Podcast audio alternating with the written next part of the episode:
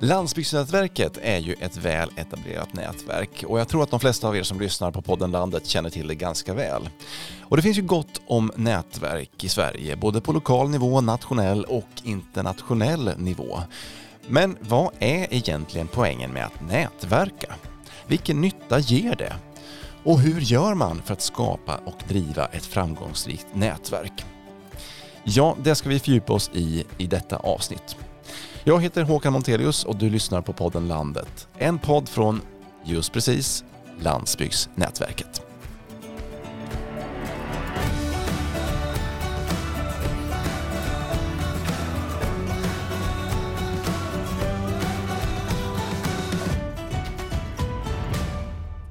Ja, olika typer av nätverk har nog alltid funnits mellan människor, organisationer och delar i samhället. Och att det är bra att nätverka, ja det är någonting som ofta sägs.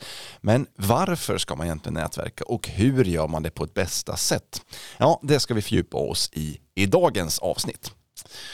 Och dagens två gäster, det är två nätverksproffs får man lov att säga som har tillsammans nästan 45 års erfarenhet av nätverkande. Hej och välkommen säger jag till Hans-Olof Stålgren och Nils Lagerot, båda för detta samordnare på Landsbygdsnätverket. Hej! Hejsan! Tack för välkomnandet. Hej! Nu presenterar jag er som nätverksproffs lite grann. Nils, känner du igen dig i den beskrivningen? Ja, jag tänkte på det i den meningen att jag har ju jobbat med nätverk eh, sedan mitten på 90-talet när jag började med Leader 2 som kom till Sverige strax efter EU-inträdet och sen så då tillsammans med Hans-Olof eh, både i Leader Plus-nätverket och senare i landsbygdsnätverket i olika perioder. Så på det sättet så är jag ju proffs i det sammanhanget. Men, men eh, inte så att man, man känner sig som en proffs i alla fall på det mm. sättet. Hans-Olof, vad är din nätverksbakgrund? Ja, den är ju samma som Nils. Jag kom in i det här eh, via Leader-nätverket. Eh, och, eh, och sen så har vi ju kört ihop Nils och jag. Så att eh, det, jag har jobbat vid ett kansli och, och när man har läst definitioner på nätverk så står det i Nationalencyklopedin att, att det har ingen särskild centralpunkt, ett nätverk. Men landsbygdsnätverket har ju faktiskt ett kansli, en kanslifunktion. Eh, så att det, är en liten udda figur i ska säga, generella nätverk när man jämför. Men, mm. men eh, där, där, där har vi varit i själva kansliet och på så sätt har vi ju sett hur nätverket växer och vad man bör göra och inte bör göra kanske. Ja, men om vi ska börja i den änden och, definiera vad ett nätverk är. Tycker du att den här eh, definitionen som du just läste upp, är den korrekta beskrivningen av vad ett nätverk är? Ja, jag tycker det. Egentligen så är ju nätverk någonting som uppstår underifrån av ett antal aktörer som har några slags gemensamma intressen. Och så tycker man att vi, vi, vi kan jobba ihop kring det här. Eh, och kraften i nätverket består i att de olika noderna, alltså olika medlemmarna, interagerar med varandra. Och då finns det en del i periferin som är med lite grann och en del är väldigt aktiva. Så ser de flesta nätverk ut menar jag. Mm. Eh, sen bygger det ju på att det finns en delaktighet, att man har respekt för varandra, att man samarbetar på lika villkor. Eh, I, i detta och det känner jag att, att Landsbygdsnätverket har gjort och det är väl det också som har gjort att många har velat vara engagerade och arbeta i nätverket. Kan ni ge något bra exempel på ett, ett annat nätverk som ni tycker fungerar bra förutom Landsbygdsnätverket? Vi kan ju nämna att det finns ju nätverk motsvarande vårt i, i princip varje annat EU-land och eh, de har vi ju någon slags benchmarking med och jämför oss med och se hur de fungerar utifrån deras förutsättningar.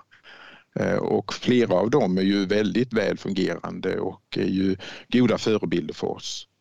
Och sedan har vi också det europeiska nätverket INRD som jobbar utifrån ett Brysselperspektiv där vi tillsammans med andra länder och nätverk deltar.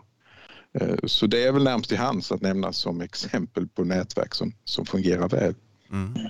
Jag tror att många nätverk existerar under en period när en, en, en fråga, ett problem, en, en, utmaning existerar och sen kanske man har löst det och då så avslutas nätverket eller ebbar ut. Hur lyckas man skapa ett framgångsrikt nätverk då?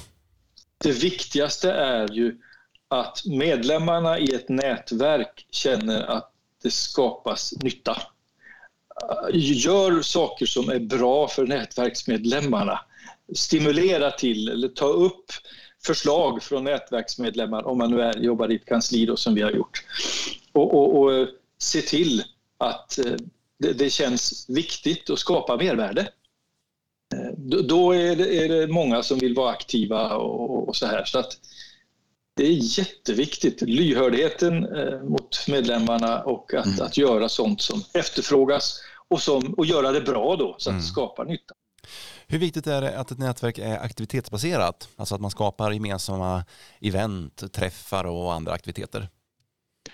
Ja, det är ju det är en del. Jag tror att i, inom landsbygdsnätverket så fungerar det ju så att vi har ju en styrgrupp som består av representanter från viktiga organisationer och myndigheter som jobbar inom de gröna näringarna, inom landsbygdsutvecklingen och i de blå näringarna. Och det är ju där man formar målen då tillsammans med de mål som finns för, för, för nätverket som kommer från EU-kommissionen, de nationella målen etc. Och formar en plan för vad som ska göras och vad som ska hända i nätverket. Sen, sen är ju aktiviteterna genomförs ofta i olika arbetsgrupper, olika grupperingar med representanter ifrån medlemsorganisationerna. Eh, och det är här egentligen som, som jag tycker att det, det roliga och, och, aktiva nätverkandet sker. För där, där är det ofta så att eh, man kommer ifrån olika myndigheter, olika organisationer och kanske ensam med sin fråga eller eh, har funderat på hur man ska agera men ser att motsvarande fråga funderas, funderas det på i en annan organisation också. Och här får man liksom ett plus ett är tre effekt. Alltså det, man, man slår ihop sig och man, man, känner att man kan göra så mycket mer gemensamt. Hans-Olof, du nämnde här att eh, det viktiga är att man skapar ett mervärde för de som ingår i nätverket. Eh, vilka mervärden får man av att nätverka? Vi, vi, har, ju, vi har ju upplevt flera gånger att eh, medlemmar har sagt att den här frågan har vi inte pratat med de här andra aktörerna om tidigare, för vi har inte haft den plattformen. Men helt plötsligt så har vi en plattform där vi hittar gemensamma både intressen och lösningar. Eh, och, och, det är ju sådana här konkreta mervärden. Det har, jag kommer ihåg vid ett tillfälle där, där det diskuterades eh, eh vindkraftverk. Det är ju för sig eh, på tapeten nu också, men frågorna var ett byägt vindkraftverk där måste man skapa vägar och allt möjligt och det är olika markägare. Och då satt eh, Companion som sysslar mycket med att hjälpa och bilda sådana föreningar, kooperativa föreningar för eh, vindkraftverk och, och, pratade med Lantmäteriet och så kom de på vi har ju kompletterande kompetenser kring det här. Att vi inte har tänkt på det förut. Och till slut så skrev man en, en, en, eh, en, en skrift som liksom, ja, en, en kunskapsskrift kring det här. Då. Eh, och där sa man, det här hade inte, utan liksom plattformen Landsbygdsnätverket hade vi inte mött varandra och då hade det inte blivit det här. Det är ett litet exempel. Men är det viktigt då att det är aktörer som kommer från olika bakgrund och från, som representerar olika instanser eller myndigheter eller företag eller ja, organisationer? Är det, är det viktigt för att få ett bra nätverkande att man kommer in med olika perspektiv? Det är ju det som, som är, det spännande att man om man har jobbat med en viss fråga och så kommer man i kontakt med någon annan som jobbar med samma fråga utifrån en annan synvinkel, annan perspektiv, annan ingång och så ser man att man kan göra någonting gemensamt och man lär sig av varandra i detta. Det blir eh, en väldigt, ja det blir en positiv effekt av att man kan eh, få andras perspektiv in i det man ska göra, absolut. Hur gör man då för att driva ett eh, nätverk framgångsrikt? Måste det finnas en central aktör eller, eller eh, ett kansli som håller ihop det? Jag tror det är bra att man har någon resurs för att kunna göra gemensamma aktiviteter. Det underlättar att man lär känna varandra, att man får eh, ja, en gemensam målbild att arbeta med eh, som, som eh, ger effekt och det ger i sin tur effekt på andra samarbeten också som man kan ha mellan olika aktörer. Men hur gör man då för att skapa det här engagemanget som gör att alla känner att de vill bidra i ett nätverk? Ja, det repeterar det här med delaktighet egentligen igen då att eh, man, man strukturerar nätverket så att olika aktörer kan delta och vara med på lika villkor i både styrgruppen som vi då har men även i arbetsgrupperna och medverkande i de möten och aktiviteter vi genomför. Och att alla bemöts på likvärdigt sätt och att de som leder aktiviteterna också är besjälade av nätverkstanken så att man bjuder in och uppmuntrar till att folk ska vara aktiva och med i verksamheten. Och det, jag skulle också lägga till att jag är ju pensionär nu då och har, ju varit med ganska länge i den här branschen och jag kommer ihåg faktiskt att på 80 och 90-talet eh, då jag också var engagerad i de här organisationerna som vi har, har jobbat mycket med för närvarande. Då var det inte alls den samstämmighet och det samarbete eh, mellan olika organisationer som vi har nu. Eh, och här vill jag nog säga att Landsbygdsnätverket har verkligen gjort skillnad. Och det gäller ju både de gröna organisationerna och, men även landsbygdsorganisationerna och framförallt samarbetet mellan de organisationer som representerar de gröna näringarna och, och de som representerar mer landsbygdsutveckling. Mm. Det har varit ett väldigt positiv effekt. Ni är ju pensionärer båda två eh, och har lång erfarenhet av att ha jobbat med nätverkande under många år. Idag så lever vi i en ganska digitaliserad tillvaro eh, och jag tänker att eh, sättet att nätverka på måste ha förändrats ganska mycket under de åren ni har varit aktiva. Vad säger du om, om det Hans-Olof? Är det lättare att nätverka idag? Både och är det ju. För att eh, det är mycket, mycket lättare att ha korta, ganska effektiva möten över nätet. Så det är ju jättebra. Samtidigt så, så att träffas fysiskt är ju grunden för bra digital kommunikation egentligen.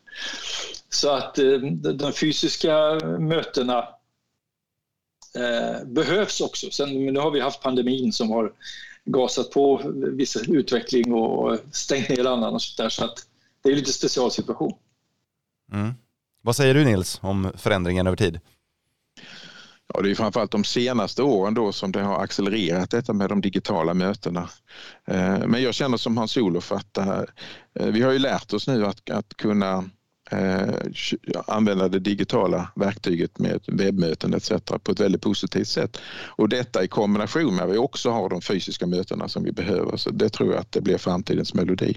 Jag tänker på ett exempel och det är ett viktigt exempel egentligen. För det här med det internationella samarbetet eh, har varit väldigt viktigt och är väldigt viktigt. Och inte minst i den situation vi lever i just nu. Eh, och där har eh, vi i de nordisk-baltiska länderna sedan länge haft ett väldigt nära samarbete. Vi har träffats i olika sammanhang och sen har det blivit så här att en gång i månaden har vi nu ett, ett digitalt fika-break kan vi säga. Eh, och det är våra finländska kollegor som har tagit ansvar för att bjuda in och allt möjligt. Och väldigt informellt, men varje månad så ses vi, mm. berättar lite vad händer i de olika nätverken eh, och kan ge exempel på att det där var intressant, det måste vi kopiera och eh, hur gjorde ni med det här? Alltså det, det, och vi är kollegor, men vi är också vänner. Mm. Eh, och det är otroligt viktigt i, i en, en värld som just nu då upplever väldigt mycket splittring. Ja, men utveckla det lite grann. Varför är det viktigt att ha det här typen av, av internationellt nätverkande när det är oroligt i omvärlden? Är man vänner och känner varandra personligt och har samarbetat, eh, då, då är det svårare att skapa konflikter. Så det, kan man väl uttrycka det. Och det är ju fantastiskt hur nära vi har kommit de baltiska länderna egentligen som vi ju tidigare då inte alls hade någon kontakt med överhuvudtaget. Men nu är de ju lika eh, viktiga och nära oss som övriga nordiska länder som vi har haft kontakt med så länge tidigare. Aktiviteter och att man träffas är ju såklart viktigt, tänker jag. Men en, en kritisk punkt det är ju att kommunikationen funkar i nätverket. Vad skulle ni säga är, vilka är framgångsfaktorerna för att ha en, en effektiv och bra kommunikation för att hålla ihop ett nätverk? Ja, det vi är engagerade just nu har ju visat sig vara ett framgångsrikt koncept med podcast. Eh, och sen eh, har vi ju också utvecklat eh, olika former av webbinarier. Vi har ju en webbinarieserie som heter Landet lär som, som tar upp olika frågor så att vi utnyttjar den digitala tekniken och där har vi ju kommit med.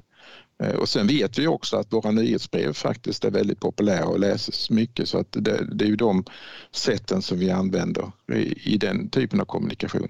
Sen handlar det ju naturligtvis också mycket om att träffa människor, att prata och att eh, eh våra arbetsgrupper är aktiva eh, i, i sina, sin respektive kommunikation ut i sina respektive organisationer. Mm. Vi har ju också då en, en erfarenhet nu som har också blivit mer positiv. Det är ju att vi har eh, engagerat våra kommunikatörer i de olika medlemsorganisationerna i ett, i ett gemensamt nätverk. Eh, så att det, det, har, tycker jag, gått framåt i kommunikationshänseende. Det, det är ju inte för inte som det är flera kommunikatörer anställda på nätverkskansliet. För allt som görs ska kommuniceras. Vi, vi har varit samordnare men kommunikatörerna är ju jätteviktiga för det här. Och inte minst då det här att försöka hitta nya former för kommunikation och, och hänga på. Men det här med, med poddar, med, med, med webbinarier och så vidare, det fanns ju inte från början. Men försöka hitta nya former hela tiden och, och, och göra dem både tillgängliga och intressanta. Eh, Eh, det, mm. det, tror jag är jätteviktigt. Kommunikationen i alla dess former är superviktigt. Vi börjar närma oss slutet av den här podden, men jag tänkte vi ska ta en liten framtidsspaning. Vad tror ni om, om nätverkande i framtiden? Hur kommer det här förändras och utvecklas och vilken roll tror ni nätverkande kommer spela? Ja, det kommer ju inte minska i betydelse, det tror jag inte.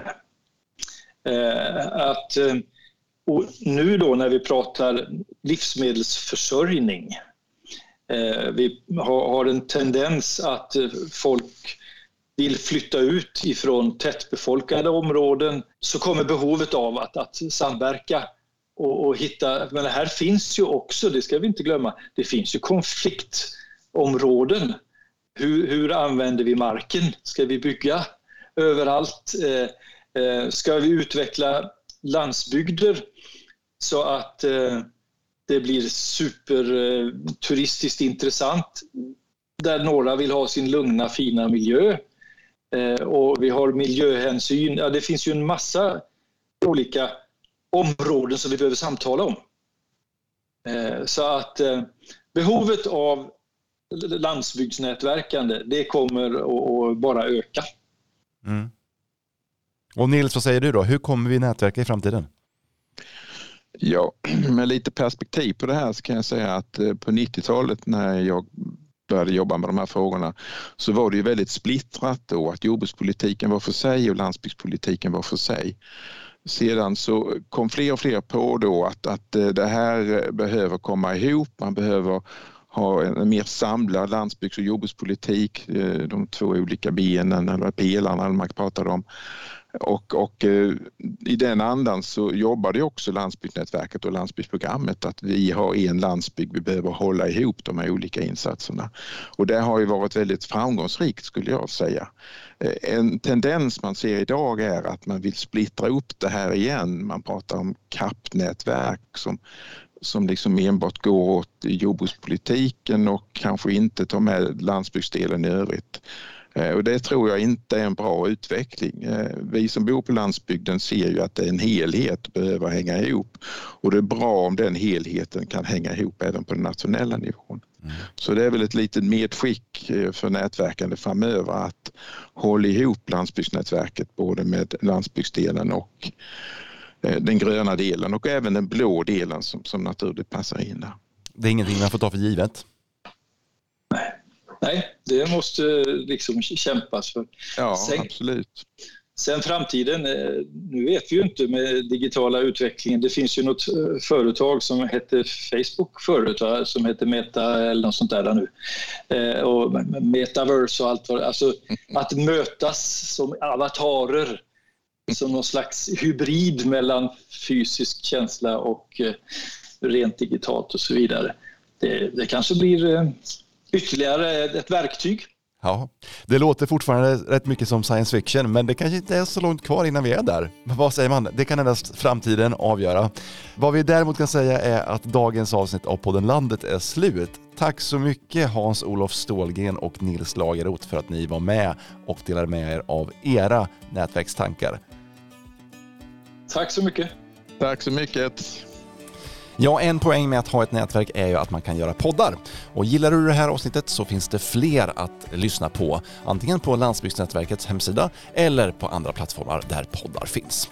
Redaktör för podden Landet, det är Ingrid Whitelock, jag heter Håkan Montelius och som sagt, den här podden produceras av Landsbygdsnätverket.